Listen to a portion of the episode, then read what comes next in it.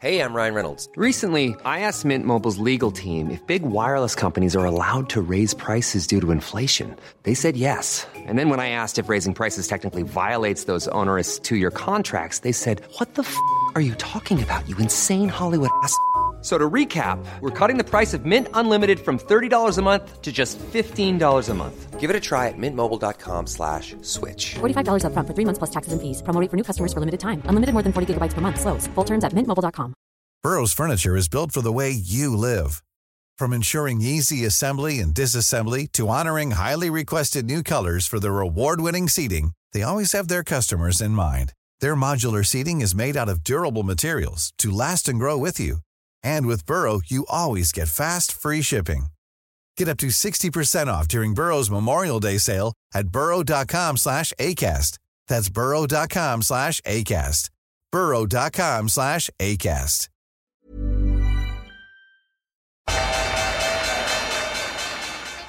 They mistook leverage for genius. Leverage for genius. I would recommend you, Japan. The governments don't rule the world. Goldman Sachs rules the world. Velkommen til en ny episode av podkasten 'Tid er penger'. En podkast med Peter Warren.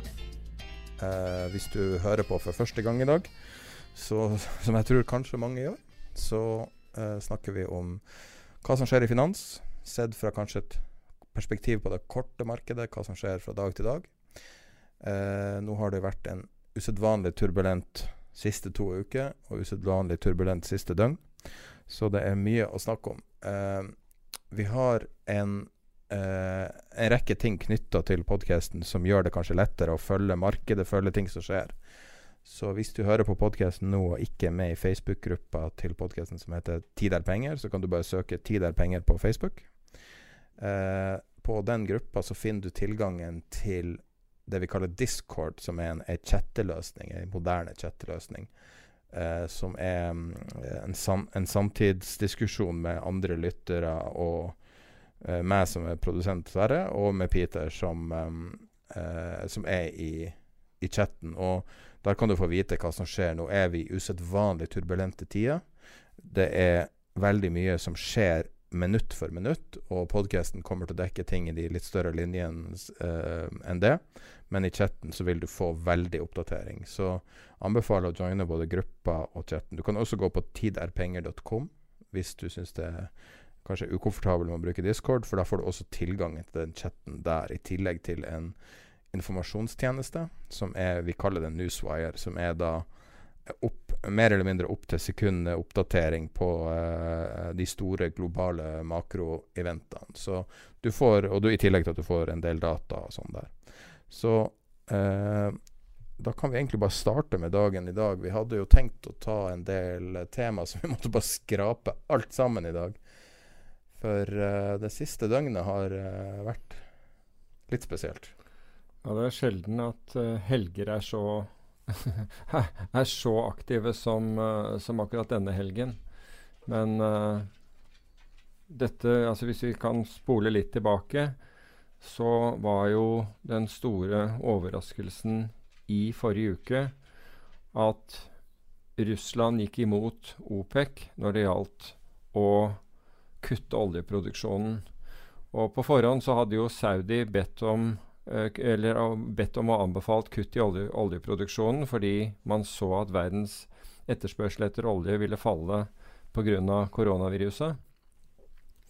Og Russland da, øh, gikk da ut imot. Um, og, så fikk, og så hadde OPEC møte, og fortsatt da var det jo usikkert Um, en større usikkerhet enn det jeg oppfattet. For jeg oppfattet egentlig at Russland var ganske sterk og klar på forhånd.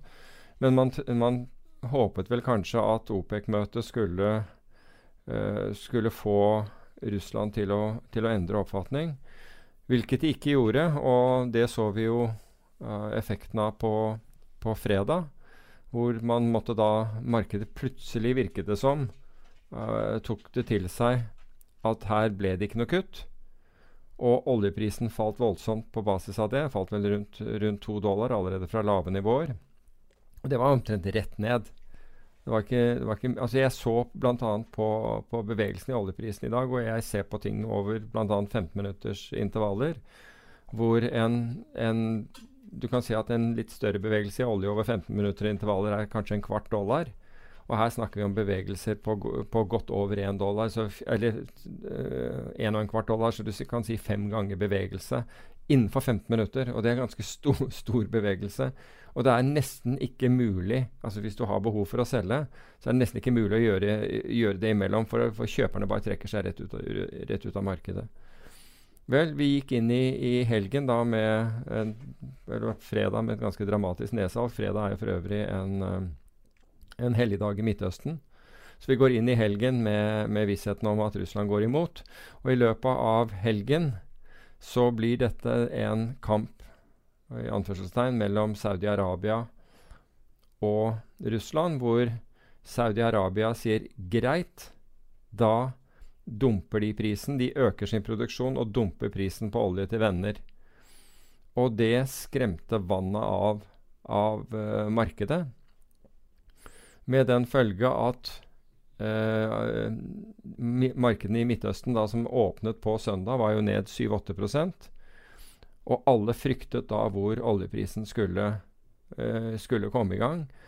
Og det var da snakket om at oljeprisen kunne falle da ytterligere 10 dollar eh, fatet fra, fra vi, de lave nivåene vi så på fredag. Altså Det som skjedde på fredag, var at det kom veldig kraftig ned. Og så sto det for det meste stille der nede. Var vanskelig å handle. Jeg handlet bl.a. olje på fredag. Um, man skal være veldig veldig forsiktig, fordi når, når det er såpass nyhetsdrevet, så, så, kan det gå ordentlig gærent hvis du, hvis du, ligger på feil side av det. Men i hvert fall uh, markedene i, uh, i, Midtøsten, Kuwait og, og Saudi-Arabia og de andre, Dubai, åpner kraftig ned. Og indikasjonene allerede fra future-markedet i, uh, i, Europa Først det amerikanske futuren, som da går limit down. Altså den, den, eh, den, faller så mye at de stenger handelen med den. Den begynte i går, går kveld klokken 11. Altså søndag kveld klokken 11 vår tid. Um, så den bare stengte. Og så så vi de europeiske futurene begynne å handle i, i morgentimene i dag, og de var enda mer ned. Vi satt jo veldig mange og fulgte eh, prisene uh, opp Det er mitt, min første erfaring med å sitte og følge åpninga til oljefutures aldri vært borti at det har vært et interessant, mm. interessant øyeblikk. Og, var det under eh, Kuwait-krisen? Eller når uh, du hadde krigen? Ja, den var vel omtrent ja. på denne bevegelsen, sånn roughly 30% ned. Ja, riktig. Uh, og uh, vi satt en del folk på chatten og fulgte det i ca. to timer før, tre timer før. Og brukte da indikative åpninger først en veldig, veldig eh, på en måte lukka indikative åpninger. Altså En del meglerhus vil jo ha en litt innsikt i hvor markedet vil åpne. Ja, Rett og slett på, på basis av de ordrene de ser? Ja, de, de ser ordrene. Og så fikk du etter hvert mer eh, åpne ordrer. Altså du kunne se hvor bid-asken lå i forkant av åpninga. Og du så etter hvert at på Twitter så begynte plutselig liksom alle tradere på jorda satt og fulgte den VTI-åpninga. Og så fikk du første Altså det, det, minner meg om eh, det minner meg om når man så første quoten til Facebook etter børsnoteringa, som var katastrofalt lav, og alle fikk panikk. Uh, men det her er litt viktigere enn Facebooks børsnotering. Mm. Og, um, og uh, dramatikken var ekstrem. Folk må lese seg opp på uh, regler knytta til limit down. Knytta til altså, futures-markedet, som har sine regler. Aksjemarkedet har sine regler indekser er annerledes enn eh, en råvarer. Mm. Det er en rekke ting man må skjønne. Eh, og, og, det er jo ikke alt man husker. Det er jo nye regler som har kommet. Etter flashcrashet kom det nye regler på, på Nyse. Og, og, og, det er mye som må læres fort ja. for å prøve å følge med på det her. Så det som skjedde, var vel at man traff vel to eller tre limit down på rad ja. på første moven. Sånn at det ble stengt med en gang. Og så sitter folk der og tvinner tomler. Um, men, men, jeg kan trekke det tilbake til en Bloomberg-artikkel som var uh, rett før åpninga på søndag, mm. som sier at Putin har uh, eh, dumpa samarbeidet med MBS, altså med Saudi, for å starte en krig mot den amerikanske skiferoljeindustrien. Ja. Og Russland har jo i veldig høy grad bekrefta den teorien i dag med at de har gått ut og sagt at vi tåler det her nivået i fem til ti år. Ja, det, Så da skjønner du OK, Ja. det er det de vil gjøre. De tåler en lav break-even-pris for sin oljeindustri. Norge tåler det også. Equinor har 88 dollar som sin break-even. mm. Men skiferindustrien i USA tåler nok ikke det. Og hva du tror om den teorien, og at, at det er det som ligger bak det? Altså jeg tror jo at er, jeg, jeg tror dette en, er enda mer geopolitisk. Jeg. Fordi nå har vi jo hatt en, en periode, og spesielt inn i, i, i fjoråret, Uh, i økende grad siste del av, uh, av, det siste halvåret av uh, 2019, hvor Trump nærmest regjerte markedene med, med, med, med sine uttalelser. Nå har Putin overtatt. Putin har jo liksom Du ser altså Trump har jo Han snakker jo om konspirasjoner med Obama og Biden. Det er det han klarte å, å, å, å tvite om i dag, mens verden detter fra hverandre eh, på, på, i, i realøkonomi og, og, og, og finans. Så er det det han, han er opptatt av, og Putin har overtatt. Og så Nå er det faktisk Putin som sitter med makta, men han slåss jo da med MBS om, om, om, om uh, om, om å, å utøve, da. Det, det skal han ha i, i, i dette. Eh, et, nå i dag, eh, en time etter åpning, så har han kommet med noe som ligner på sannheten. Uh, Trump sier at Saudi Arabia and Russia are arguing over the price of and flow of oil. That and the fake news is the reason for the market drop. Ja. Minus fake news, så har han jo egentlig rett, da. Altså, når han snakker om flowen, så vil han si at det ikke skal flowe ut av USA. ja, nettopp. Han vil drepe deres eh, relativt gigantiske bransje og veldig gjeldstynga bransje. Ja, altså Han kommer jo litt uh, han, han får jo to agendaer. altså Hvis du snakker om Trump, så får han litt to agendaer her. Den ene er jo at han har at han har forsøkt å presse OPEC tidligere til å, å, å, å kutte Eller øke produksjonen, senke oljeprisen. Men, men det er den ene agendaen. Og den andre agendaen er jo, at, er jo i, i forsøk å ivareta shale oil-industrien. For det, det, er- det, er, det er absolutt ikke bra for USA eller amerikanske arbeidsplasser hvis den ikke er lønnsom. Nei. Nei, det er litt av Det er litt av et marked, altså. Jeg vet ikke, Vi kan jo se litt på hva som har skjedd i dag, da. Man kan jo starte med Oslo, egentlig. Jeg, jeg, jeg har bare lyst til å egentlig bare se hva som har skjedd. Altså, noe vi aldri ville finne på å gjøre på en hvilken som helst annen episode. Men når du ser på oversikten over de hva som faller Altså, du har oljeservice, oljeservice Seks store oljeserviceselskap ned over 20% på Oslo Børs. Statoil ned 17% DNB ned 12% Ja, de var jo ned 29 på, på et, et øyeblikk, DNB på åpningen. ah. Men ja, 29 Det er jo helt, helt voldsomt. Men, men altså, jeg har aldri Frontline opp 14. ja, Men jeg har, al jeg har aldri um, fått så mange henvendelser som i dag. Aldri har det vært én situasjon som har gitt så mange henvendelser Fra hvem? Uh, som i, fra alle mulige. Altså det, det var tydeligvis ikke mulig altså når Jeg spurte jeg spurte en hvorfor, hvorfor uh, snakket de ikke med sin egen rådgivers e- egen, egen megler. Og Da var det en som sa at det, det, da kunne jeg like bra snakke med Siri eller Alexa og be om råd. Så det var helt bort i natta.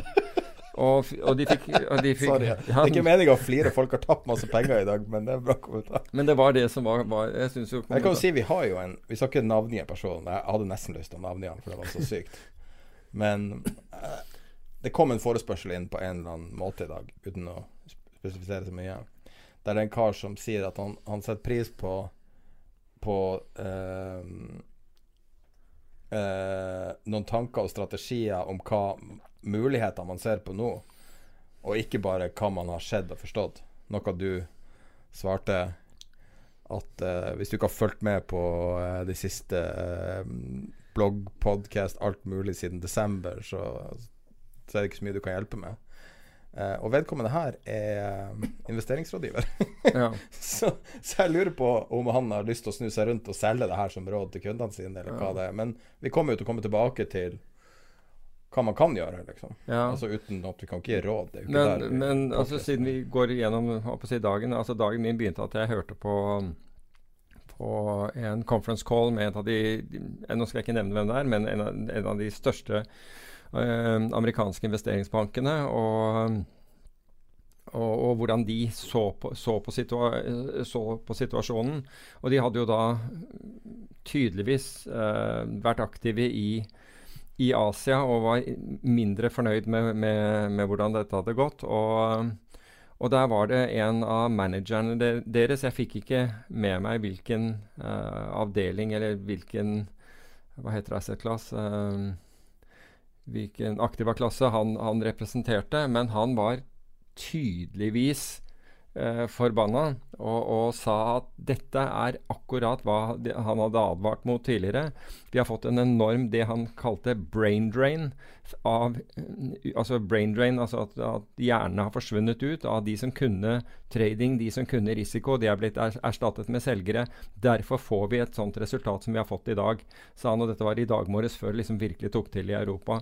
Så han men det er jo egentlig det samme som vi har sagt på så mange på, på så mange podkaster. Altså, det er lite Altså, du har ti år siden finanskrisen. Markedet er ikke robust. Markedsstrukturen er mye svakere enn den har vært tidligere, og alle har blitt konsentrert inn i, inn i stort sett inn i aksjer. Um, og da, da, får det sånne konsekvenser som i dag. Også mye lav kvalitets assets blir høyt prisa. Ja. ja, det er for øvrig en Nå skal ikke jeg kalle det, for det har jeg ikke noe, noe, greie på, men Nell er jo en av de der eh, som, som tiden Som veldig mange har spurt om i dag. Og jeg har jo ikke peiling, men det eneste jeg vet, er at Nell har gitt, har gitt uh, eh, 90% av folk i Bærum tinnitus etter, etter at den der uh, Uno X-stasjonen eksploderte på Kjørbo. det er det eneste jeg vet, men jeg vet at, at, det, er mange, at det er mange som følger den. da det er fordi den er opp. Hva sier du? Hvis du ser aksjen er opp. Eller var opp. Var den det? Ok. Men uh, det, jeg tror ikke den var det hele dag. Fordi det, vi, Nei, ikke i dag. Jeg snakker om siste året. Å oh, ja, for all del. For all del. Jeg vet Så jo derfor er det folk bryr seg om den. Ja, altså den har jo blitt liksom referert til som Norges Tesla. Altså, sånn, altså på den måten at det går som en rakett. Mm. Um, men uh, Gikk som en rakett. Ja, ok. Men det har jo litt samme sånn uh, som markedsstruktur og dette er jo et, et chart, så hvis du ser på ettårschartet til Nail, så er det jo et chart vi har sett ganske mange plasser nå. Og det er jo noe som, som har blitt referert til. Vi har lagt det ut en rekke, en rekke ganger på Facebook-gruppa, på chatten, på overalt. Mm. Som er det boblechartet som viser eh, nivåene på ei boble. Og det er ikke det dummeste måten å analysere en asset på. Det er at man har tatt en rekke eh, finansielle bobler. Mm. Og så har man på en måte prøvd å finne ut om det har et mønster. Så følger det da fire forskjellige faser. Og vi, har, vi er på vei ut av return to normal. altså, eller på vei ut av et sted mellom bulltrap og return to normal. Og mm. vi er i fear. vi er akkurat midt i den. Og det er da den, uh, den andre toppen, på en måte. Ja. Og hvis du ser på charts rundt omkring, så ser du det samme igjen og igjen. Vi så det på bitcoin i 2018-2017, eller hva det var. Og, mm. uh, det er det er interessant å se at menneskelig psykologi har en tendens til å repetere seg. Ja, den gjør det. Den gjør jo det. Altså hjernen vår altså, øh, altså vi, Mennesket er jo noen millioner år gammelt, ikke sant? Men, mens hjernen har veid altså har stort sett veid ca. 1,3-1,4 kilo siden, øh, siden opprinnelsen. Ikke sant? Den, den, står for litt over en prosent av kroppsvekten vår, bruker 25 eller opptil 25% av energien vår. Um, tar 35 000 beslutninger per dag. Og, men kompleksiteten rundt verden vår har jo økt noe enormt. Det er veldig interessant eh, kommentar. Jeg er helt enig. Så, så det at, at, at mennesker altså Vi tenderer til å gjøre det samme. Det, akkurat, det var en av som, som, som det var, det var jo haglet jo med spørsmål i dag, men det var, det var liksom hvordan, hvordan, man skulle liksom hvis, hvis, man skulle jeg, jeg, hadde en kommentar i dag at hvis du først kjøper by the effing dip, mm. ikke sant, så er ikke det når markedet er ned 0,7% Det er nettopp når markedet er ned 10-12% at du kan begynne å tenke på å gjøre, gjøre, gjøre sånne ting. Og så var det en som sa 'hvordan skal jeg ha psyken til det?' Og da sa jeg tenk på den psyken, tenk på hvordan du følte deg da markedet var på topp og du følte alt var trygt. Prøv å sette deg inn i den tankegangen i dag. Mm. Ikke sant? For nå er det i hvert fall veldig mye billigere. Hvis du først er ute etter å gjøre det. Mange, altså For to-tre måneder siden, når DNB kjørte som som verst på sin kampanje for hun, hashtag hun investerer. Mm. Så nevnte jeg som en konspirasjonsteori i, i podkasten. Det er noen som irriterer seg over at de mener at jeg er konspiratorisk. Uh, Du er eh, konspiratorisk. og min konspirasjonsteori var vel noe sånt som at eh, DNB sleit med å bli kvitt ymse assets og fond og alt mulig. Så de måtte åpne nye, nye kundegrupper, og derfor da gikk på den her Altså likestillingskjøret. De er jo bare ute etter å selge fond, let's face it. De bryr seg ikke om likestilling. Og, og så og så, sa, så fikk de inn så sinnssykt mye damer i de fondene. Nå reklamerer de jo bokstavelig talt i dag. 96% økning. Altså de har dobla antallet kvinner som investerer i fond. Tenk deg alle de damene som sitter nå og får sin første oppdatering, hva det vil si å eie aksjer. Og det første oppdateringa ever, kanskje i sitt liv. Og så er det ned 20-30-40% Det er jo avhengig av hvor, altså hvordan fondet er selvfølgelig. Ja. Du skal jo ha hatt uflaks hvis du er det, eller i hvert fall være, være belånt.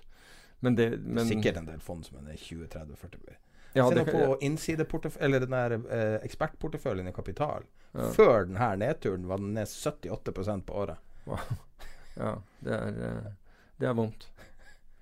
Det er vondt. Det, det gir en ny mening til uttrykket ekspert. Ja. det var noen som la den ut på gruppa. Jeg vet ikke akkurat om hvem det er som har valgt ut aksjene, men det er jo basically ja, valgt alle høybeta oljeservice og Men det er jo akkurat det du har blitt håper, holdt å si, det, er, det er den risikoen som du har tatt de siste årene altså, og blitt betalt altså, Du har aldri måttet du har, aldri, du har ikke blitt straffet for å ta den type risiko på ti år. Nei. Og det er jo det som er problemet her. Folk er ikke, altså, har ikke dette inne. De er, det er ingen robusthet lenger. Um, så altså, margin callene haglet i dag. Absolutt haglet. ikke sant? Og det er klart at Hvis du får margin call, du har belåning, du har ikke, du har ikke noe cash å putte inn, da, da hjelper ikke hva markedet gjør i, mor i, i morgen. Altså, du, Ble du solgt ut, så ble du solgt ut. Så Jeg bare tenker med gru hvor mange folk som har hatt store investeringer i oljeserviceaksjer, og så har de fått margin call, og så har de satt huset sitt på det. Mhm. ja. Og så kommer i dag. ja, det er helt forferdelig. Og det er ikke mye morsomt. Altså. Nei, det er, det er grusomt. Det er Og så kommer det nok margin call, og da har du ikke noe mer å sette. Nei, ikke sant. Og da ryker det seg. Ja. Og det er, så mye, det er så mye ekstraordinært i dag. Altså, jeg ser at CBOE, altså eh, i Chicago, som der, opsjonsbørsen. ja, Mm. som trade, som der, der Vixen trader, Mm. måtte manuelt åpne Vixen for handel, for det var så stor pågang. Altså, ingenting Ja, men skal. du må jo huske at, at markedet har vært ekstremt short volatilitet. Enten gjennom at de har, de har uh, solgt opsjoner. Det er jo noen som, som driver med det som aldri kjøper opsjoner. De kjøper aldri forsikring, de skal være forsikringsselskapet. Så de, de notorisk utsteder opsjoner. Ja. Og det er klart at hvis du ser på statistikken, så er jo statistikken slik at de aller fleste opsjoner forfaller verdiløse. Men det misforstår folk. De, de, de tar det som at så kjempebra, det er ganske sikret inntekt. Og her kommer, her kommer forskjellen. Det er helt riktig at de aller fleste opsjonene forfaller verdiløse, men de som ikke gjør det, de kan gå uendelig mange ganger. Skjønner du? Så de kan, altså det holder jo med én som virkelig ødelegger your day. Um, så, så det er den sto store forskjellen. Men det er ikke bare at du er at du er short volatilitet gjennom opsjoner. Du er short volatilitet fordi du har lånt penger og kjøpt aksjer. Da er du også short volatilitet. altså Den volatiliteten kommer til nedsiden, så, så, så ligger du dårlig an. Du har short volatilitet hvis du har investert i kredittobligasjoner. Per definisjon. For større uro så øker kredittspreddene. Så markedet er megashort volatilitet. Og det gjør altså også dager som dette. ikke sant? Når viksen dundrer rett opp på Jeg husker ikke hvor, hvor høyt jeg så den. Jeg var i nærheten av 60, var det vel? 62-12. 62. Ikke sant? Det er ikke sustainable. altså det, det, Du kan ikke forvente at Kan du bare sette en vik, altså VIX uh, det som kalles fryktindeksen, som en, pri, en indeks på prising av opsjoner, altså prising av forsikring. Kan du sette det litt i perspektiv? Ja, altså Ja, det kan jeg godt. Fordi vi, hvis vi sier at eh, Altså, du kan regne fra viksen, så kan du regne ut ifra hva den, hva den tar for seg når det gjelder bevegelse per dag. Så en, hvis du har en viks på Skal jeg bare kjapt regne ut her På hva var det du sa? 62? Var det det du sa den eh, toppen hadde vært? 62 dager. 62. 62 Så, så innebærer det det at normalsvingningene per, per dag er på, på, på 3,9 Det er ganske mye. Altså på, på en indeks normalsvingninger Altså Vi vet at i dag er de større, men det er det det impliserer. Husk på vi kommer fra en, en, en periode hvor normalsvingninger per dag var 0,4% Så så det som, og det er jo så mange som spør hvordan, hvordan skal man forholde seg i dette markedet. Jo, for det første når du ser at, at svingningene øker så mye som de gjør i dag Hvis du skal ha lik risiko, så må du ned i, i posisjonsstørrelse. Så hvis du driver og handler frem og tilbake eller, eller gjør noe, så er det klart at da, da, må posisjonsstørrelsen din være mye mindre enn det du er vant til å handle med. Så hvis du, hvis du tidligere drev og handlet med bare for å ta et tall 10 000 aksjer av, gangen, så bør, du, bør, kanskje det du handler med nå være 2000 eller 3000. Fordi svingningene er så store. Du vil få den samme effekten. Lignende som uh, pokerstrategi, at, man, uh, at det, du kontrollerer hvor mye du putter inn. Uh, for å kontrollere risken din. Ja, nettopp. Og, og, du må jo se at dette her er dynamisk, slik at bevegelsen altså hvis du, hvis du altså Det er jo de som stadig bruker den martingale-type uh, uh, veddemålsstrategien. Med andre ord, når det går mot dem, så dobler de. Ikke sant? Og, og, bare så det er sagt, altså over tid så, så taper du pengene dine på, på, å gjøre det. Men la oss si at du, la oss si at du har en aksje på 100, og, så, og du kjøper den på 100, og så detter den. Så, men vanligvis så ville du kjøpt den da på 95. Du ville ha doblet opp på 95. Du kan ikke gjøre det hvis, hvis, denne, hvis, hvis svingningen i denne aksjen tilsvarer at den går 10, eh, 10% på en dag. Da må du ligge mye lavere. da må du ligge, altså Hvis du først skal gjøre det Du må ta hensyn til at dette svinger mye mer. Og folk øh, går inn med den konstante risikoen. Nei, jeg handler 5000 aksjer hver gang jeg handler. jeg. Ok, da vil, jo, da vil jo svingningene på kontoen din bli dertil mye større i et marked som dette. Uh, skal vi se, nå jeg bare ser på markedet nå, nå ser det jo ganske rolig ut uh, for uh, oljefutures. Bare ned 20 mm. Bare se på oversikt over fu diverse futures, da. Uh, gas oil Men, men altså det, er jo ikke, det er ikke gasolin, men likevel. Hva, hvordan påvirker det her bensinprisene? Ja, I Norge ikke i det hele tatt. De er 17 kroner hver fredag. Det kan jeg garantere. Altså jeg, jeg, puttet det der på, på, på Twitter på, på, fredag, for da hadde vi jo det kraftige fallet i oljeprisen. Men er det én ting du kan være helt sikker på, så er det at prisen, pumpeprisen er 17 kroner på, en fredag. Uansett hva som har skjedd i verden. Du, kan ha liksom, Om oljeprisen har falt 40-50% så er den likevel bensinprisen 17 kroner på en fredag. Og så uh, tok jeg uh, altså Krøllalfa, uh, kon Konkurransetilsynet. Altså, hva er det med de? Og så var det en, en, tidligere kollega av meg som sa du, du kan jo få den for 14 kroner og et eller annet på, på, på søndag. Du, du, burde gjøre arbitrasjen. Så jeg skal gjøre arbitrasjen, og så kan, kan, da gevinsten gå til overtidsbetaling for Konkurransetilsynet. For der har de tydeligvis så mye å gjøre at de ikke får med seg dette her. Men jeg tror ikke det er nødvendigvis gevinst. Du må ha lagring og lagring ja, da, ja, av eksplosivt materiale til å bygge det. har du sett uh, på chatten uh, de her uh, brukerne. Jeg syns det begynner å bli en sånn artig community der. Det er en bruker som har en bilde av Peter som, som uh, bruker, og, og, han heter hest, Hesten til Peter. Og før vi startet, så kommenterte Peter at det er ikke hans hest, det er dattera sin hest. Så jeg ber om den brukeren endrer navn sporenstraks. Vet du hva, vi hadde hesten til Kaja midnatt i natt når vi satt Når det, det kokte på chatten. Da runda vi 1000 første gang. Ja. Og så var jeg sjekka nå. Og da mener du 1000 stykker som er på, på chatten? Totalt, som er ja. på, ikke som er på samtidig, Nei, men som, er, har signa opp. Uh, og det er som regel 150 eller noe sånt som er til enhver tid. Uh, og så gikk jeg og så nå for å se hvor mange som hadde joina da 18 timer senere. Og det er 14, nei, 1114.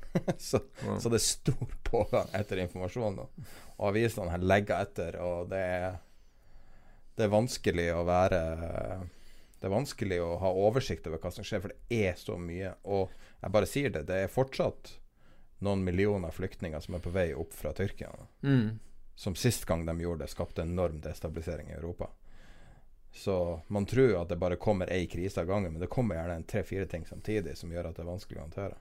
Nå har vi fått to. Ja. Man kan jo spørre seg hva Erdogan driver med også.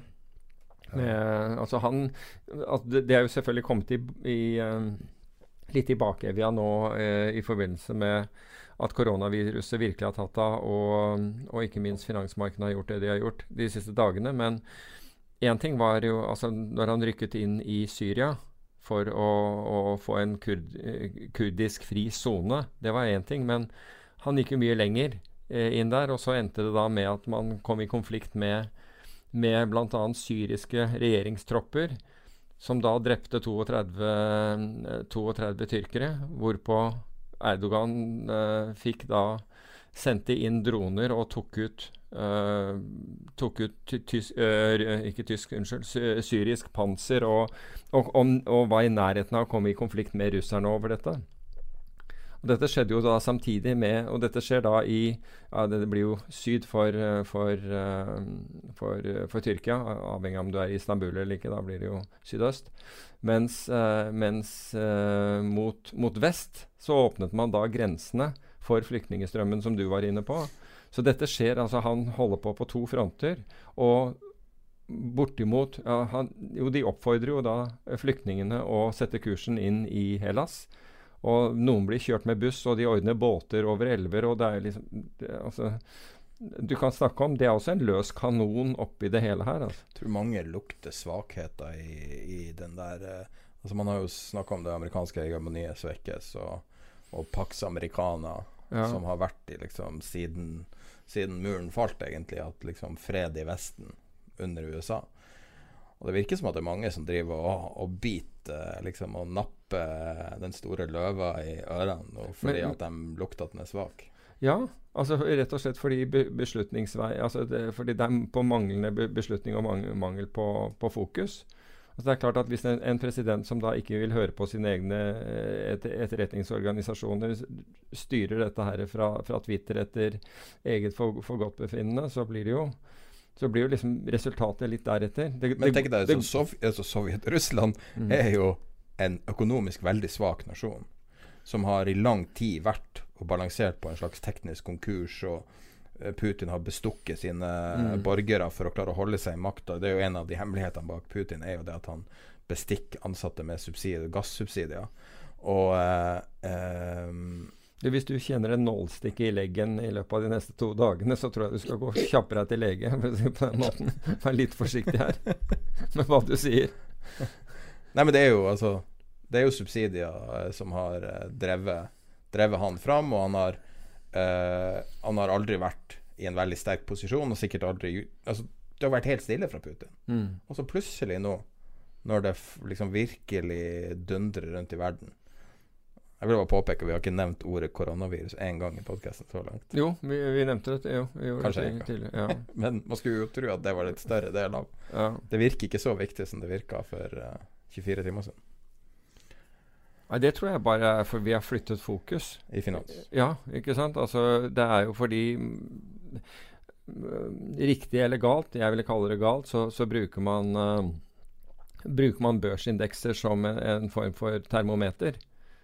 Og, det er det, og det, altså hvis det er det, så er, er jo det der et, Er det ikke sprit på det ter termometeret, men, eh, men amfetamin. Mm.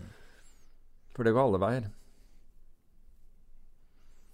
Amfetamin på termometeret? Ja. du, du, får voldsomme utslag. En sånn blanding av metaforer her som ikke helt funka. Ville kanskje ha tatt et mer flyktig metall i stedet for hva er I stedet for uh, kvikksølv. Du vil inn i metallurgi nå? Okay. Jeg er ganske høyt på en YouTube-kanal. Nå, nå, skal jeg bare roe ned tempoet. Skal si at det er en YouTube-kanal som er helt fantastisk. Mm. Som for meg funker som avslapping. For det er veldig mye som skjer i verden, og det er veldig um, Og det er en sånn gammel professor som driver og snakker om elementer. Den heter Periodic Videos. Aha. Her er, du ser han karen på Ja, ser ut som en gal professor. Ja, han har gal professorlooken. Og Der har jeg lært meg masse om periodiske systemer. Bare med å sitte og se. For meg er det avslapping akkurat nå. Jeg vet ikke hvorfor. Mm. Og det er liksom kontrasten til alt er så farlig, og, og koronaviruset og livet og alt sånn. Mm. Så er det her periodisk. Jeg vet ikke om du har sånne ting du Sånne faser du går gjennom, altså du bruker ting for å slappe av? Nei, altså hvis jeg skal bruke noe for å slappe av, så er det jo egentlig å være i naturen og, uh, og eventuelt pusteteknikker hvis du føler at stresset blir stort. Uh, og i dag så var det jo veldig mange som, som, mente, altså som følte på det. Det, det merket jeg. fordi altså hvordan klare å få fokus i, uh, i markedene sånn som de var. Og det ene er uh, det, det for øvrig snakket vi om på, også på NTNU. altså Det betyr hva du spiser. Vær forsiktig med kaffedrikkingen. Ikke, sant? ikke for, for, mye av det. Altså, greien er at du kan ikke, på, altså, du kan, kan ikke påvirke markedet, men du kan påvirke dine egne, dine egne beslutninger. Og, og, der kan du gjøre en, en stor innsats faktisk med, med, med, det. Fordi markedene kommer til å gjøre det de gjør. Men det er en stor forskjell om du er balansert når du skal da fatte avgjørelser rundt dette, eller, eller ikke. Det er en enorm forskjell. Så øh, å bruke litt tid på, på seg selv og være i, uh, å være i vater når du har dager som dette. Fordi det er klart at det er skremmende når det, når det, når det beveger seg. Jeg er i markedene selv, så jeg merker jo det der at du får sånne fryktresponser når det plutselig går deg imot. Så hvordan, hvordan håndtere dette. Men det har også med hvilke instrumenter du trader også. Det er også veldig viktig. Hvis du ser på min SMP, som jeg har inntrykk av at veldig mange følger og, og liker å handle i, så er likviditeten til tider omtrent lik null. Det har vel aldri vært, syns jeg jeg så en nevne, mindre likviditet på bid-offer, altså på, på kjøper- og selgerkurset, enn, en det er nå for tiden. Og den trekker seg umiddelbart hvis man ser en, en, stor ordre. Da bare raser markedet. Og det kan være til nedsiden så vel som til, til, til oppsiden. Ja. Og det Det bringer oss jo litt videre til uh, Altså, vi har jo på en måte snakka om markedet, alt handler jo nå om hva som har skjedd de siste dagene. Men, men det er også det vi Når jeg sier vi, så er det jo du, da. Du har snakka om i flere år nå, som er da eh, den totalt manglende av en eh, ordentlig struktur i markedet, en ordentlig marketmaking-mekanisme.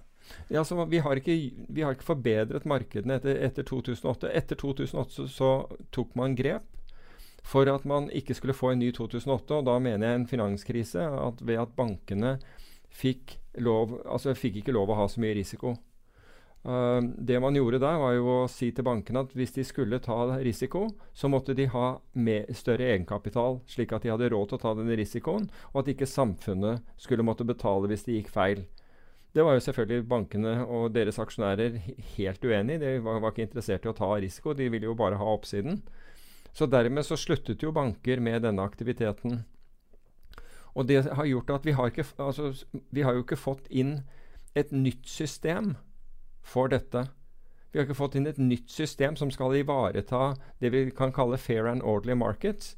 Det har jo tidligere vært børsens rolle, men børsene har vært i konkurranse med hverandre. Så, så der hvor aktørene fikk de, de, eh, eh, de mest hva skal jeg si, de, de, hvor, de, hvor, det var minst pålegg, dit ville de handle, der ville de handle. Så vi, hvis du var en aktør som såkalte liquidity provider, som skal stille kjøper- og selgerkurser og, og får handle veldig, veldig billig, så gikk du til den børsen som, som, som stilte minst krav.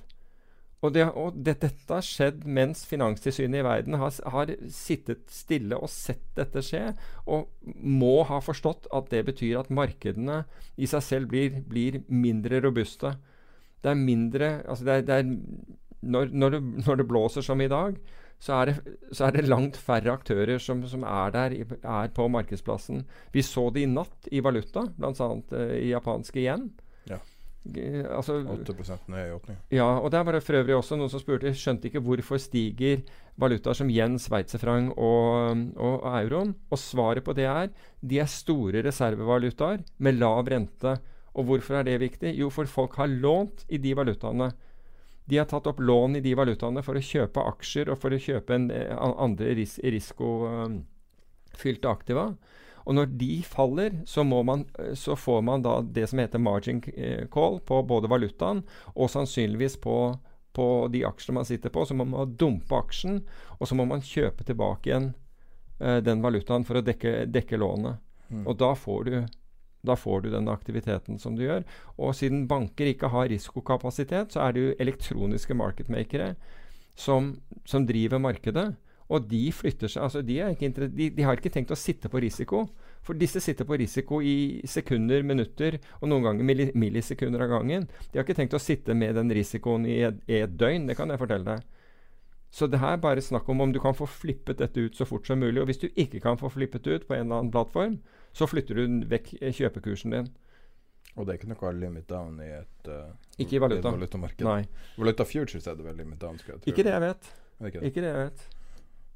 Så uh, Nei, der kan du virkelig bli stoppa ut uh, milevis under stoppen din. Ja, og nå ser jeg jo veldig mange av de elektroniske handelsplattformene altså, som meglerhus tilbyr, de, de, sender ut advarsler nå at hvis du har stoppordre Altså en stoppordre er en ordre som blir utført idet kursen når et visst nivå.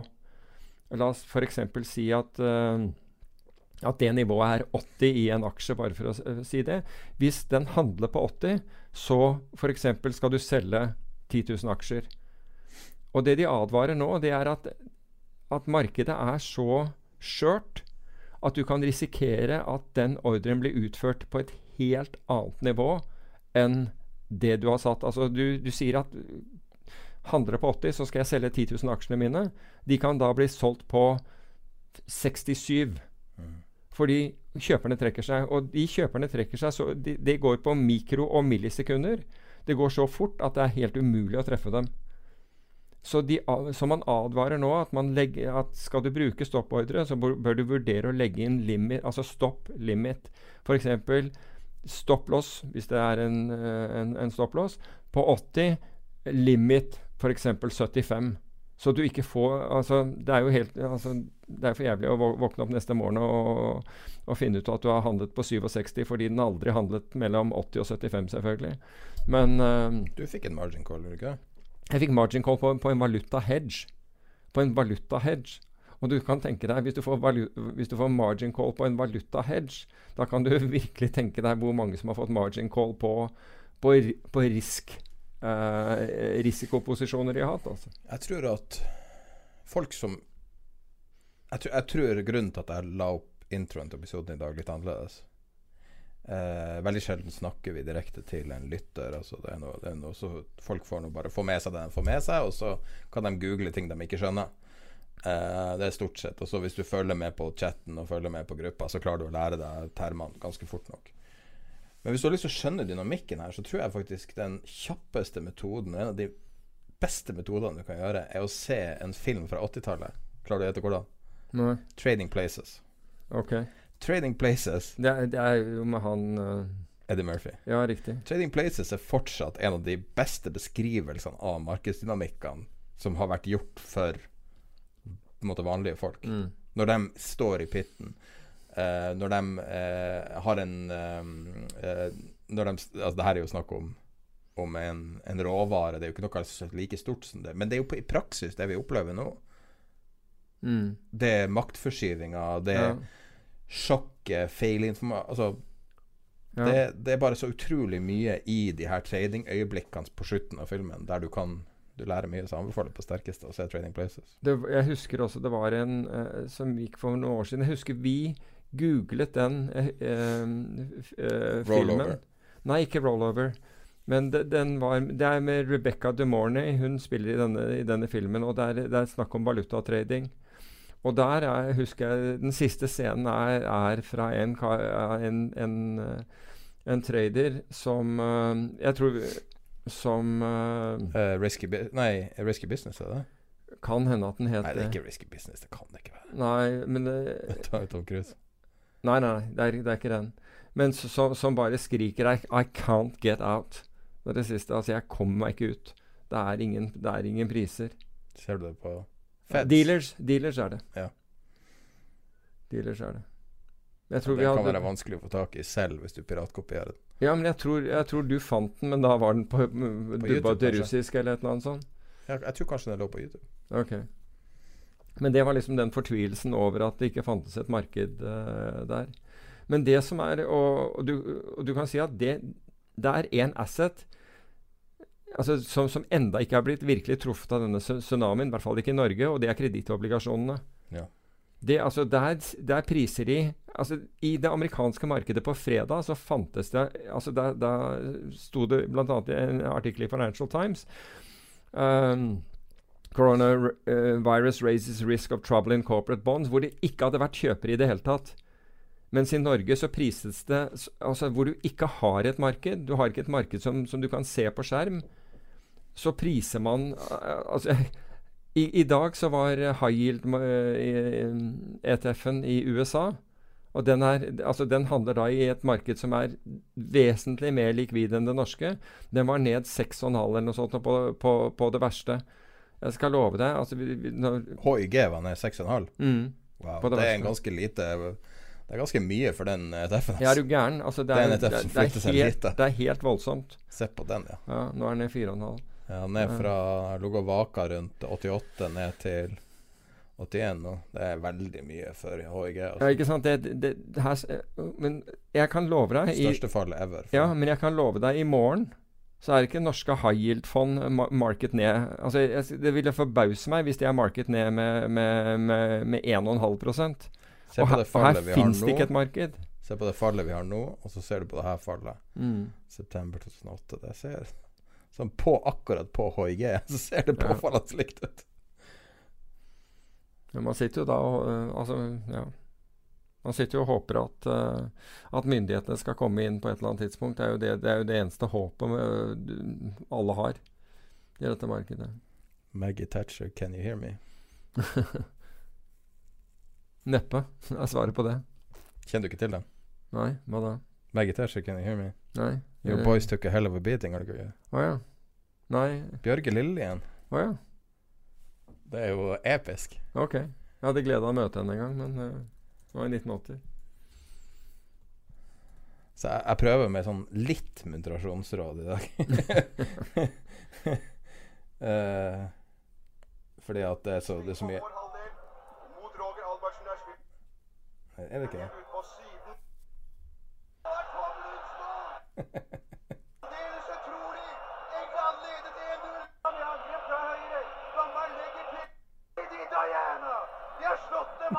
Så du har ikke hørt det her før?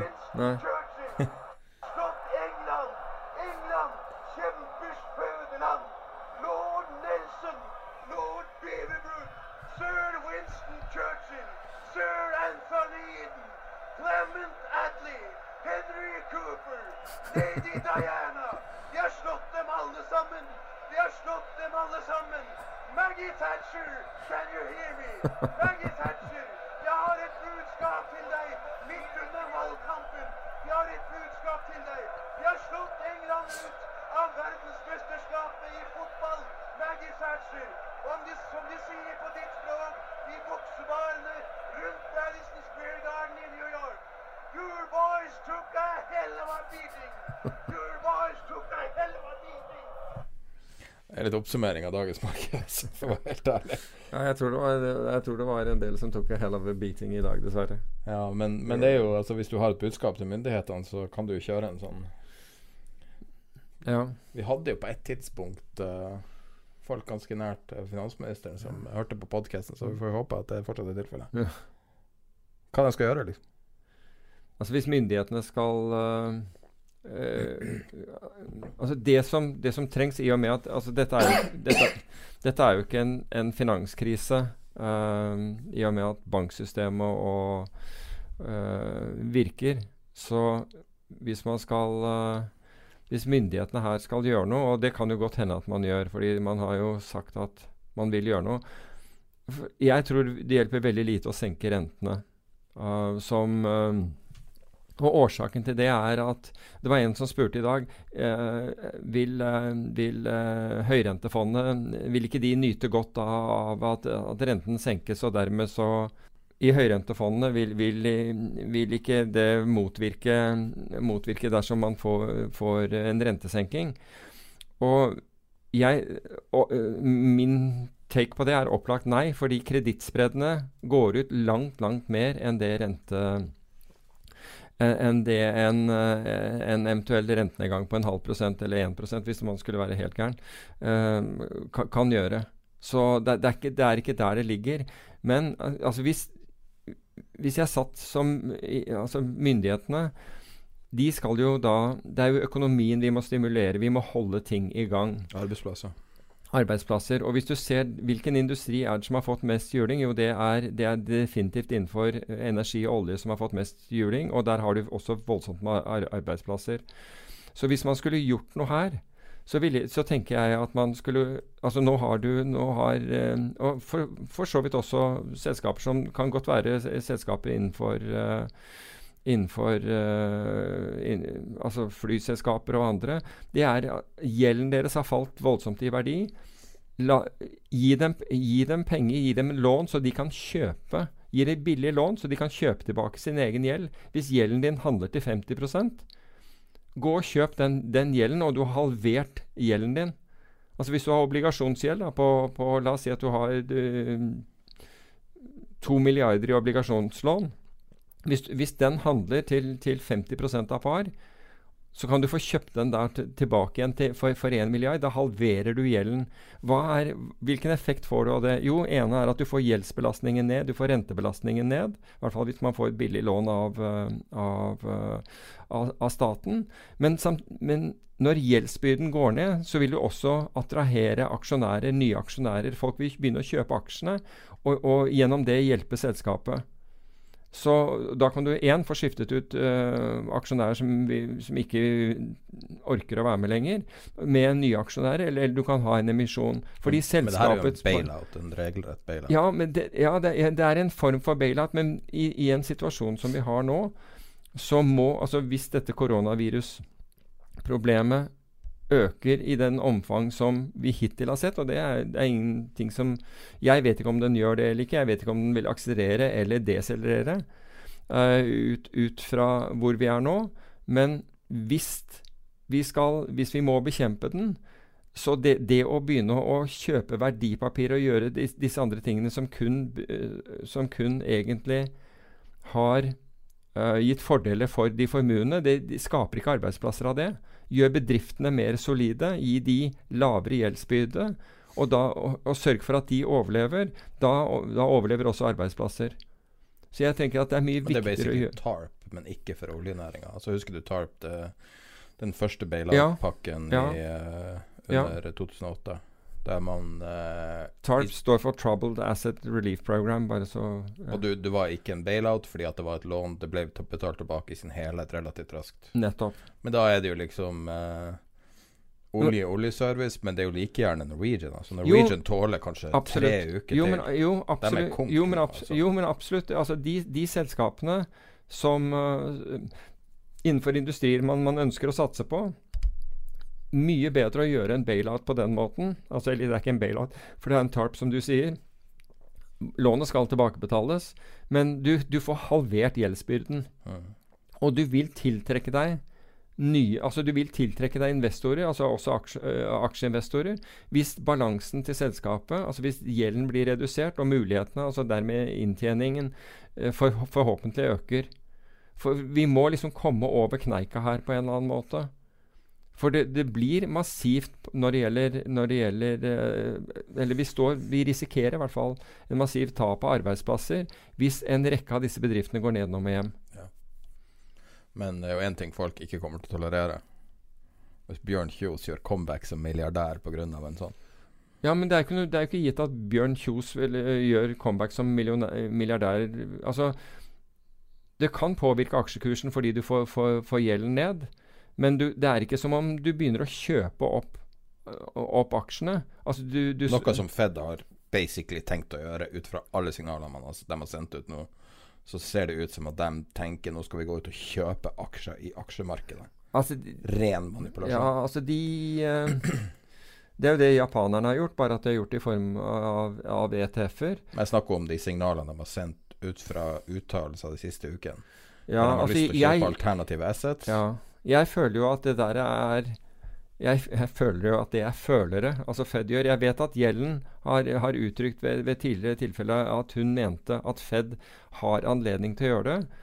Jeg vet ikke om Fed har anledning til å gjøre det. Det var hennes tolkning av det. Men min oppfatning av det som har vært den retorikken som har vært om dette i det siste, har nærmest vært en sånn føl, vært følere ut for å se hvordan. Hva sier du? Sånn trial balloon. Ja, litt for å se altså, hvor mye opposisjon får vi ut av dette her, eller vil, folk, eller vil det bli akseptert? Ja. Men altså, hør her. Det, at, at aksjemarkedet øh, dumper dumper eh, 10-20 det er ikke en krise i seg selv. Aksjemarkedet har dumpet 10-20% i altså, ved mange mange til, eh, tidligere tilfeller. Og, det, og man klarer seg. Det, det, det renser ut, ut markedene. Det som er problemet denne gangen Eller det er to problemer denne gangen. Én, vi har presset alle som, som ønsket å investere, til å kun ha aksjer. Det er det ene. Og det andre er at, er at vi har fortalt dem at det ikke fins noe risiko, så det, som veldig mange har belånt. De to tingene er det som skaper Og det, begge deler er faktisk myndighetsstyrt. Så i, at, vi, at vi nå sitter og ser på et marked som Jeg vet ikke hva Oslo Børs er ned på, på, på året, men jeg syns jeg så at USA var ned ca. 12% på, øh, på året. Det at vi ser på det som en katastrofe, det, altså, det, det er en katastrofe som vi har skapt selv. Ja. Altså Oslo Børs er ned fra, fra, altså fra, fra toppen og siste rett før det siste 20 er ikke det? 21. Ok, ja, nettopp. Så fra starten på Ja, så, så, og dermed så, så kaller man det nå et bear market. Ikke sant? Men, eh, men hvor går vi eh, Ikke sant? Altså, Men det er en, det er en, det er en god idé. Jeg, jeg har veldig sansen for en sånn uh, tarpløsning, fordi at det, det følger med masse accountability. Altså Ja. Norge flommer jo over av penger mm, som investeres i uh, to splitta oljefond i innland og utland, som gir Gud vet hva det gir slags eh, Altså det gir jo altså man Pengene råtner jo ikke på bok. Det er vel det som er poenget, at man bekjemper inflasjonen. Men uh, utover det så får du jo veldig liten uh, Veldig liten uh, Håper å si verdi av dem nå. mm, Og jeg må innrømme at å, å holde liv i La oss si at det her er snakk om seks måneder eller et år, mm, der de prøver å knekke Der de prøver å knekke um, ski- skiferoljen. Så hvis vi da presterer å konke halvparten av oljeserviceselskapene og ligger med brukket rygg da når ting kommer tilbake igjen som det Altså, det her er jo ikke en reell nedgang. Ja. Det her er jo en manipulert nedgang. mm. Du har hatt en manipulert oppgang, og nå har du manipulert nedgang. Det er jo helt surrealistisk. Det her markedet er jo ingenting som stemmer. Det, altså det, er jo på ingen, det er jo ingen strukturelle ting som har endra seg i de siste 48 timene.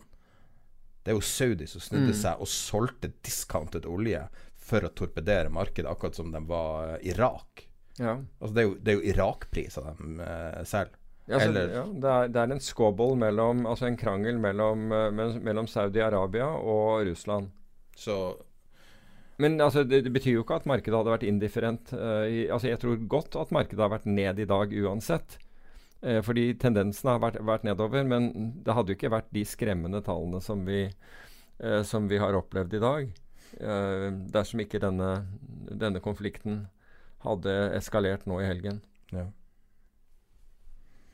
Men det er en veldig alvorlig situasjon, uansett hvordan man vrir og vender på det. Mm.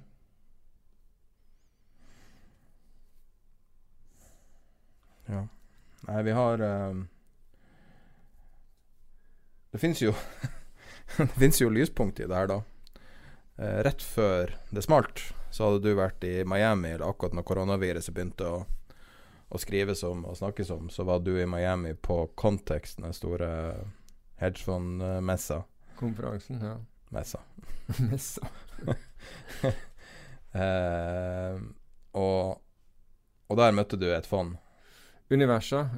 Som du snakka om om her. Ja, vi, vi har jo snakket om Universa ved flere anledninger, men, vi, men jeg møtte dem nå i, uh, i Miami.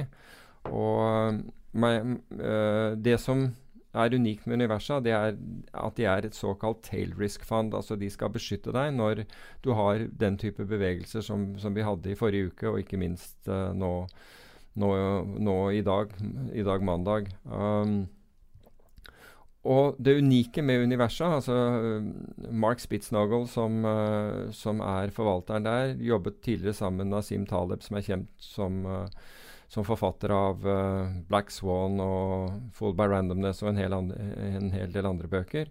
Men Mark, Mark Spitznagel han var mer konservativ enn en Nasim Taleb. Fordi han forsto at man kunne ikke tape penger hver eneste dag på, på å drive, drive hedging.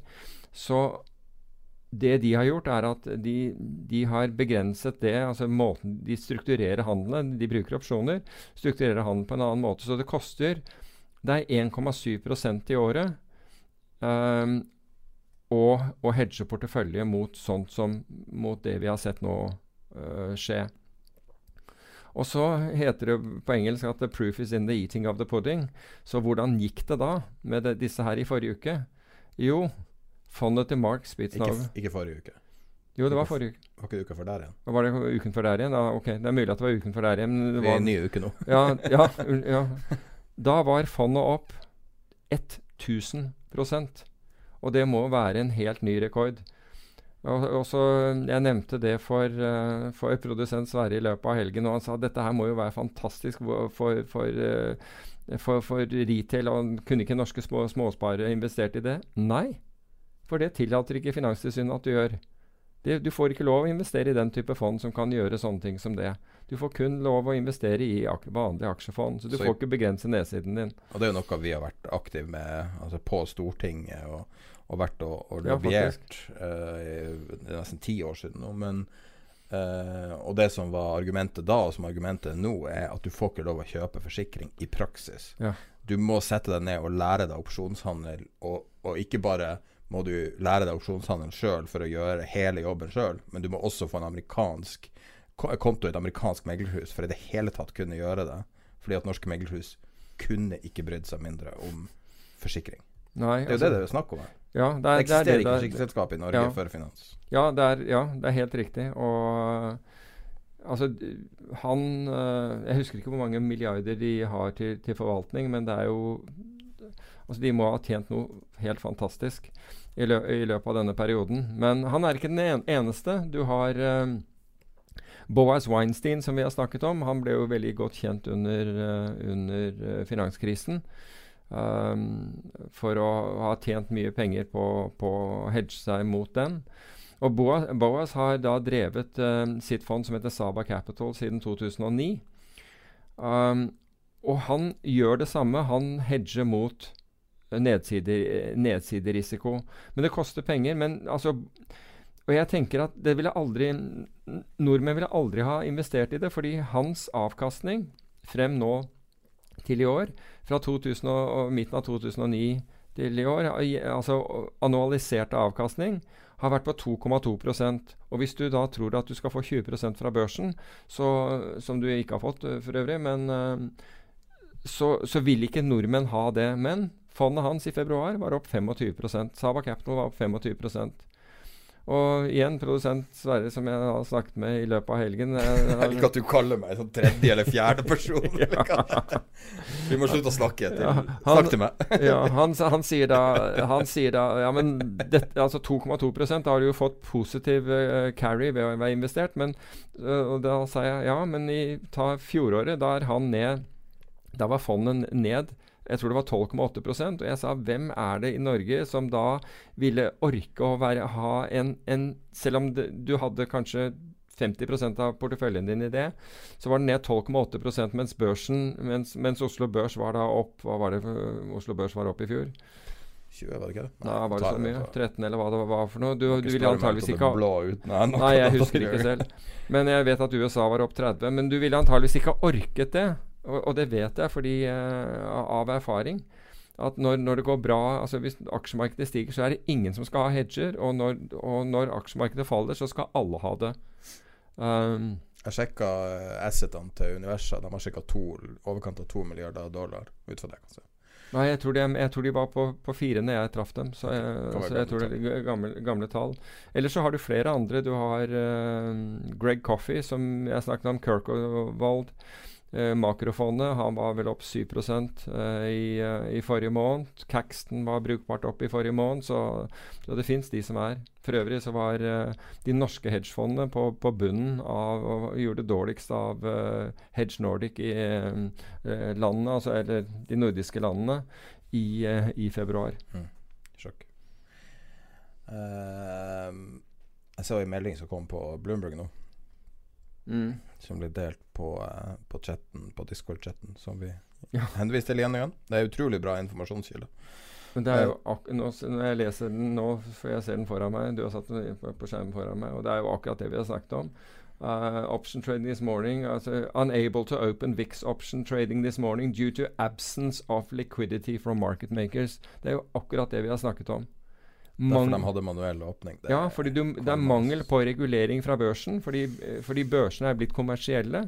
Så de, de, de konkurrerer med hverandre på å få aktører til å stille opp på, på deres markedsplass. Og, da, og det gjør de ved å ha ved at kravene er eh, Kravene til disse marketmakerne er, er løsere hos de som hos, hos, hos de som får, får si, midlene for, for marketmakingen. Så dette er også noe som, som er myndighetenes egentlige oppgave å regulere. Så for å svare på han der eh, økonomiske rådgiveren som klagde på at du ikke måtte komme med etterpåklokskap nå, Ja. for at han ville eh, at du skulle gjøre jobben hans. Så eh, da først er det hva burde du ha gjort, og hva kan du gjøre nå? Altså Skal vi ta den burde du ha gjort? Den, den, for den er jo veldig enkel, for da kan vi bare oppsummere hva vi har snakket om tidligere. Ja. Og det var at opsjoner var så billig, og det snakket vi om i, i flere podkaster, at, at du burde byttet ut porteføljen din med rett og slett med opsjoner og hatt en begrenset nedside og mulig oppside. Så konstruerte jeg på bloggen en opsjonsstruktur i, um, i, i desember. Og det var også på basis av hvordan opsjonsmarkedet var priset. Det var veldig attraktivt eh, priset på det tidspunktet. Da, men da solgte du, da utstedte du faktisk en salgsopsjon. Så, og, men du fikk halvannen gang så mange kjøpsopsjoner for den. Den gikk in the money, altså det, fordi markedet steg så mye. Så, men la oss si at du ikke hadde tatt noe gevinst eller gjort noe som helst med, med den og fortsatt satt med den, for det var en, faktisk en mars- marskontrakt, så ville du vært ned ca. 3% på den i år. Mens markedet er ned da 13 Altså Nå snakker jeg om det amerikanske. Det ville vært ned 3 der hvor vi er nå. Hvis du hadde sittet. Og det er ganske mye mer behagelig enn å være ned 13, vil jeg tro. Men det store spørsmålet er hva skal man gjøre nå? Hva skjer nå? Hva, hvordan ser man framover? Da kan jeg starte med å stille et spørsmål. Jeg har merka meg at jeg hatt for vane nå å følge eh, det forjetta CNBC på kveldstid rett før stengetid. Fordi at den, han samme karen sier Jeg tror det her er bunnen. Hver eneste dag. og, og så har han nye måter å si det på. Han har obviously absolutt ingen skin in the game, for han virker ikke å være stressa i det hele tatt. Og han prøver å, å fange kniven hver eneste dag. Uh, tviler litt på han kommer til å gjøre det i dag, men uh, en ting jeg merka meg, er at de begynner å trekke fram uh, utbytteaksjer, store, spesielt innen oljesektoren, og, og ser på dividend yielden Mm. på selskap, og begynner å tenke på aksjer som obligasjoner mer. Hva er realavkastninga? Ja. Eh, nei, direkteavkastninga på, uh, på ei aksje. Og jeg så at før det siste fallet, så var Exxon Mobil uh, yielda ca. 7,5 og det mener jeg 10 i dag. Så Mm. det begynner å se litt attraktivt ut, bare med tanke på utbytte. Ja, altså for hva det er verdt. Men spør så, så, tenker jeg, så tenker jeg at hvis vi ikke ser en bunn i dag eller i morgen og nå, når Jeg ser på det amerikanske aksjemarkedet, for jeg tror det, det driver liksom verden, egentlig, dette her. Så hvis vi ikke, altså, og, og det kan vi godt gjøre. Altså det, hvis det ikke bunner ut i dag eh, eller, eller i morgen, så, se, så, så kan vi se det ned 10-20 til. Okay. Um, og Det er liksom det, den, det uh, scenarioet jeg har i hodet mitt.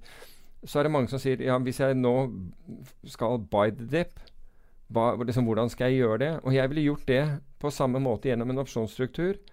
Um, hvor jeg kjøper en autom... Altså fordi put-opsjoner er så høyt priset i forhold til Altså salgsopsjoner i forhold til kjøpsopsjoner, at det gir deg rom til, til nedsiden. Altså du, du har et rom hvor det, hvor det kan falle. Og, det, og du får et attraktivt Du får flere kjøpsopsjoner for hver, hver salgsopsjon du utsteder. Så enten må du gjøre det, eller så må du ha stopplås eh, rett og slett inne. Men dette er jo folk som da er kortsiktige og skal gjøre Og sofistikert, ikke minst. Ja, altså drive og balansere en, Du må være litt sofistikert for å gjøre det. Men la oss Hvis ikke så kan du tape hus og hytte og utstede puts. Ja, absolutt. absolutt. Eh, a- det er absolutt. Det er må være- skikkelig widowmaker. Ja, men, ja, men du, det er ikke mer widowmaker enn om du, satt, eh, om du gikk og kjøpte aksjer. Ja. Altså Hvis du, hvis du utsteder putt for, for, for eh, like mange en putt på, eh, som uh, representerer det antall aksjer du vil kjøpe, så har du akkurat samme risiko. Ja. Ikke sant? Så, så, så man skal ikke gå Men man skal kjøpe når det er blod i gaten. Ja, og det er Er det blod i gaten nå? Ja, vet ikke helt. I dag så var det det. I dag så var det, ikke sant Så oppfatter jeg at det er det. Men vi må skille mellom investorer. Dette er de som, som ønsker på en måte å ta en tradingposisjon fordi de, de syns at markedet har kommet lavt og vil, vil prøve seg. Helt greit.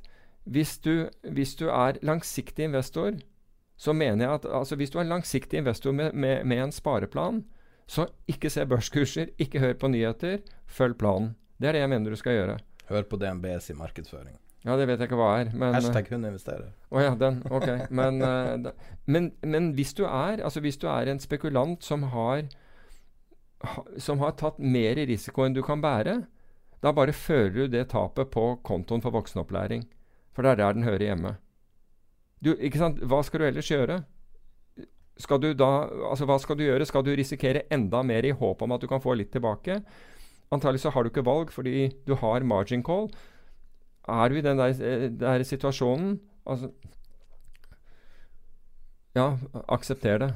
Accept where you are. Ja, ta tapet før du konker. Ja, ja, men altså, ja, altså Antageligvis har mange måttet ta tapet i dag, og sliter fryktelig mentalt med det. Men da må du bare se det der som det der, Ok, det var voksenopplæring. Det koster. Istedenfor å se å, jeg hadde så mye, og jeg kunne hatt den kjøpekraften For jeg hadde for 14 dager siden, så, så var liksom verden min. Ok, du har fått en realitetsorientering her. Jeg kjørte forbi Porsche Jeg var på et møte nå utenfor Oslo. Så kjørte jeg forbi en Porsche-butikk mens jeg snakka med deg. Ja, ja. Det var masse folk inne og så på dritdyre Porsche. Altså de der Altså toppmodellene. Ja, men Så jeg spekulerte spekulerte da i om, Ja, om det, er de ikke, det, er faktisk ikke var der, det, er ikke der, det er ikke derfor de var det. Det var det jeg sa. De er Nei, det var jeg som sa det. Ja. Nei, men jeg, jeg, du sa gratis kaffe. Det er fordi de har ikke råd til å gå på Starbucks i dag. Og da Jeg går- vil ha æren for at Ja. den eneste plassen Ja. Den var det for kaffen. Ja, det er det for- Nå ødela jeg spøken. Whatever. Unnskyld. Jeg vil ikke deg kuppe det. Det er sikkert derfor de var der. Nei, men Det var påfallende, altså, for det var en, en Porsche-butikk med stor sånn glassmonter, og så ser du at verden går under. Og jeg var litt lenger sør på landet. Eh, litt, litt mer olje Litt Mm. mer olje der, i hvert fall. Og det, var, det virka å være festlig. Det kan ikke være lett av de å selge sportsbiler nå. Altså. Nei, men altså, jeg, ta, ta dette børsfallet her. Altså, Hvis du går til da, det området du var i, da. Vi kan vel si hvilken by du var i, kan vi ikke det? det er ikke Ja, det samme. Ja, i, i, Skien. Jeg, jeg tror at liksom gjennomsnittsborgeren i, eh, i Skien er antageligvis hakket mindre opptatt av, uh, av, av børskursene enn en, uh, en folk i Oslo vest. Ja. Um, slik at det, det, altså Den dramatikken som vi ser og føler på, er også fordi vi driver og ser på skjermer. Og ikke minst for at det blir kjørt opp på nyhetene. Det blir helt sikkert på både, både 1830 og 19-nyhetene i dag på henholdsvis TV 2 og NRK.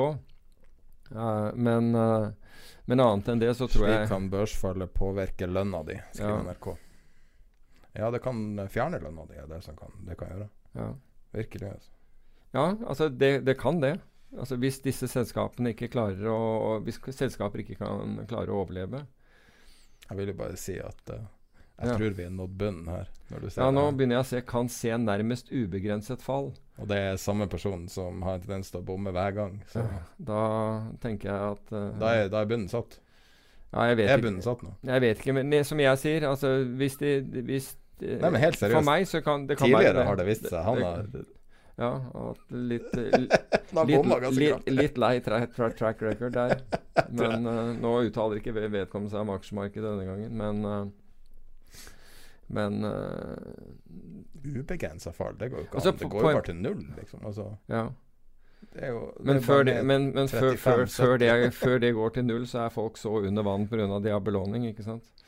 Så, Det kan jo ikke være et ubegrenset. Selvfølgelig kan det være Men altså, det har jo en eller annen grense. Altså. ja, vi trodde jo vi, det, det trodde vi når det gjaldt renta òg. Vi trodde jo ikke at den kunne gå under null. Ja, men oljeprisen kan jo ikke være vi så, så du ty, i dag, som var på 1% minus?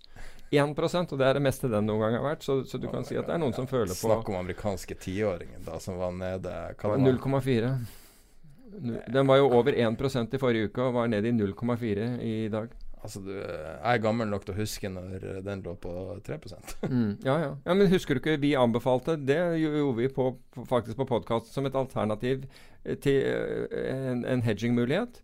Det var når eh, amerikanske tiåringen traff 3 Fordi da var den et alternativ til aksjer. Du hadde 3 sikker, eh, sikker inntjening.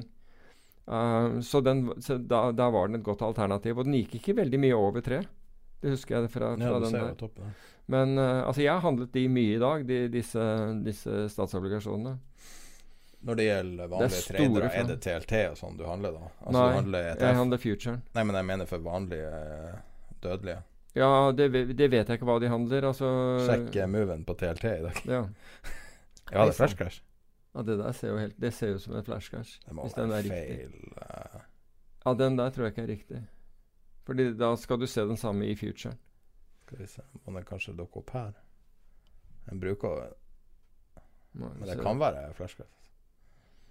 At den ikke er høy nok oppløsning her. Nei, men Det er så mye rart som skjer i dag at, at et flash crash ville ikke ha sjokka meg. Men jeg så flere kalte igjen for et flash crash i dag. Men det er jo ikke et flash crash. Nei, er det var jo ikke et flash crash, for det, det, det skjedde jo over ganske mange minutter også. Men ja. Og så, ja. Men det var, altså markedet var jo altså, Når du kom inn i markedet på morgenen, og, og jeg hørte på den som jeg nevnte, den, eh, den eh, conference callen, så var det, det var helt tydelig mye stress. Så du visste jo at, eh, at uh, markedet ikke ville være helt greit i, i, dag. Det var jo ganske åpenbart. Så um, Første amerikanske politikeren i uh, egen quarantine. Altså selvvalgt quarantine. Okay. Han, uh, han som var presidentkandidat i forrige runde. Jeg husker ikke hva han heter nå.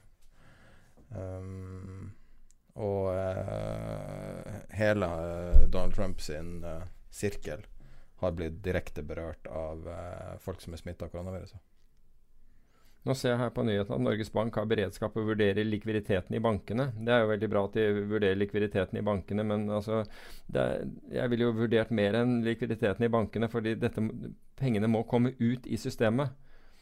Det er jo det viktigste, at pengene kommer ut i systemet, slik at uh, arbeidsplasser blir, uh, blir reddet. DN, en, Nå kjører vi bare en sånn siste eh, runde rundt. DN sier at eh, Eller en uh, kis i DN sier at uh, det her kan være vår Sleman-øyeblikk. Jeg er ikke helt sikker på det. Det hunden min, som Ja, han, han likte ikke, han likte ikke Limen-sammenligningen, Nei, tydeligvis. tydeligvis. Jeg vet jo ikke helt om det er det. Hva du syns Nei, altså det, det er jo litt sånn Lehman, uh, Lehman Brothers øyeblikk for, uh, for oljebransjen, eller oljeservicebransjen. Det kan det være. Altså Dette er verste dagen. Men, men ser du altså Det, som er interessant Det er jo ikke overlegg. Det er jo ikke Ja. Lehman var jo ikke Nei. overlegg. Nei. Det var det motsatte. Nei, helt riktig. Alle prøvde å stoppe det, og så Mm. klarte de ikke. Her er det jo, her er det Saudi som har sagt nå skal vi krasje markedet, og så krasja de markedet. Mm. Det er jo ikke noe Jeg vet ikke. Men det er ganske voldsomt når du tenker at for, for da to uker siden så var alle positive. Det var ingen som trodde på at Oslo Børs skulle ha et negativt år. Ja, altså da, og det er Laveste estimatet var null, var det ikke? ja, laveste estimatet det var, det, det var en som sa det var mellom 0 og 20 eller 0 og 10 eller et eller annet sånt. Ja. Uh, det var det laveste estimatet. Og nå, uh, og, og på bare så kort tid Og vi tror vi Altså, vi, det er jo akkurat det. Det, det lenger den, den, kvant, den perioden med kvantitative lettelser gikk, det mer genierklærte ble folk som da tok, tok risiko. Og det vi, det vi så i forrige måned, det var jo nettopp at fondene som hadde gjort det veldig bra under de kvantitative lettelsene, var også bare på de der på, på fallet i januar og februar hadde gjort katastrofa Og nå snakker jeg om aksjefond. Hadde gjort katastrofalt dårlig i, i, eh, i de første to månedene av året. ikke sant? Altså når, når børsen er ned hva var det, 3-4 og, og du er ned nesten 20 da ikke sant? Det er bare risiko. Ja. Men, men du har blitt altså, men, Og det her er media eh, eh, medskyldige ved at man hyller opp Man hyller de som da tar ekstrem risiko uten å se at det er ekstrem risiko som har skapt resultatene. 62 milliarder kroner i gjeld. Ja. Ok, Jeg dobbeltsjekka det tallet. så- Nei, det, det, hørtes, voldsomt, sa. det hørtes voldsomt ut. Norwegian hadde det i gjeld. Jeg har Ja. ikke sjekka det. Ja, men ta og sjekk det før vi Jeg tror ikke det er lurt å si det engang hvis vi ikke okay, okay. Det er jo et helt voldsomt tall. Faen. Ja, når du skriver Norwegian gjeld, så får du vel, eh, så får du vel statsgjelden til Norge opp. Skal vi se, jeg så bare noen som posta det. Jeg bare tok det for god fisk. Ser du her, vet du. 62 milliarder. Ja, I lånegjeld. Ja. DNB er eksponert. Det, det har jeg ikke sjekka heller. Faen. Nå kan ikke jeg drive og si ting jeg ikke har sjekka. Det var noen som bekrefta det til meg. Da, så. Mm. uh, jeg, jeg har vært bekymra helt siden det, den uh, At vi så flere sånne konkurser Sånne perifere konkurser siste året. Og så hver gang hadde DNB betydelig direkte eksponering. Mhm. Så begynner jeg å lure på hva er det annet de er eksponert i. Men det Har man oversikt? Jeg vet ikke. Jeg vet ikke. Men, men det som er viktig nå, er at man, er at man liksom tenker seg om før, før, man, før man fatter tiltak, og sørger for at de tiltakene man, man gjør, um, for det første ikke er gavepakker, og, og, og for det andre faktisk um, virker. Ikke sånn som kvantitative lettelser, som hvor, hvor bedriftene fikk tilgang til, til billige penger, og istedenfor å, å å, ansette flere mennesker og, og øke og produktivitet, så kjøpte man heller tilbake egne aksjer, for det var mer lønnsomt å drive med. Mm. Og pyntet på resultatene på den måten. Så det er, det er jo viktig at vi nå har lært og vet hvordan vi skal gjøre ting. Håper virkelig at, vi har, at så er tilfellet.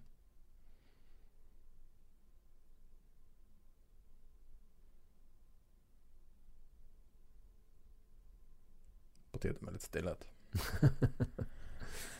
Det har vært en eh, Men det var kanskje en bra, bra å, å endre, endre på. Ja, det er vel det.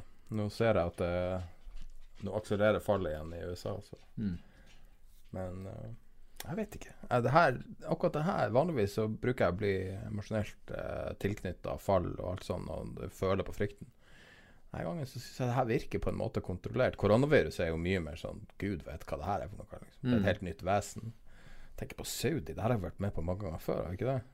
Så oljekriser og Ja, men den slår inn altså den slår inn med et veldig sårbart tidspunkt. Det er. Det er, det, det, er, det er jo det som er poenget. Og, og det er jo det, det er vel det de kaller tingenes iboende faenskap. Altså, ikke sant? Når det først begynner å, å, å rulle, så plutselig så, så, så detter skjelettene ut av skapet. Og det er jo litt det vi, det vi opplever nå. Det er en fin tittel, da. 'Tingenes iboende Faen. Ja, mulig. Det er virkelig det, altså.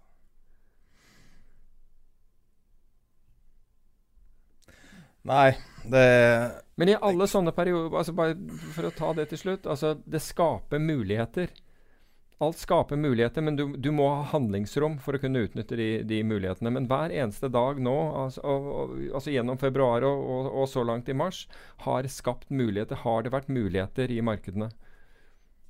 Du må bare ikke ha så lite handlingsrom at du ikke kan utnytte det. At du, at du blir bare et offer, og, du, du blir med på en uh, en uh, rollercoaster, hva heter det? Berg-og-dal-bane som har gått, uh, gått amok. Ja. Nei, det eh, Foreløpig så ser det ut som at da vi Vi kommer med neste episode om to uker, og mellom denne episoden og forrige episode så skjedde det jo bare en lifetime med nyheter. Så Ja. eh, med mindre noe helt ekstraordinært skjer, så tar vi neste episode om to uker. Og så vil det være mye live ting å følge på, på Facebook og på Discord-chatten. Også på tiderpenger.com. Men da tror jeg vi avslutter episoden. Ja Happy trading. Mm.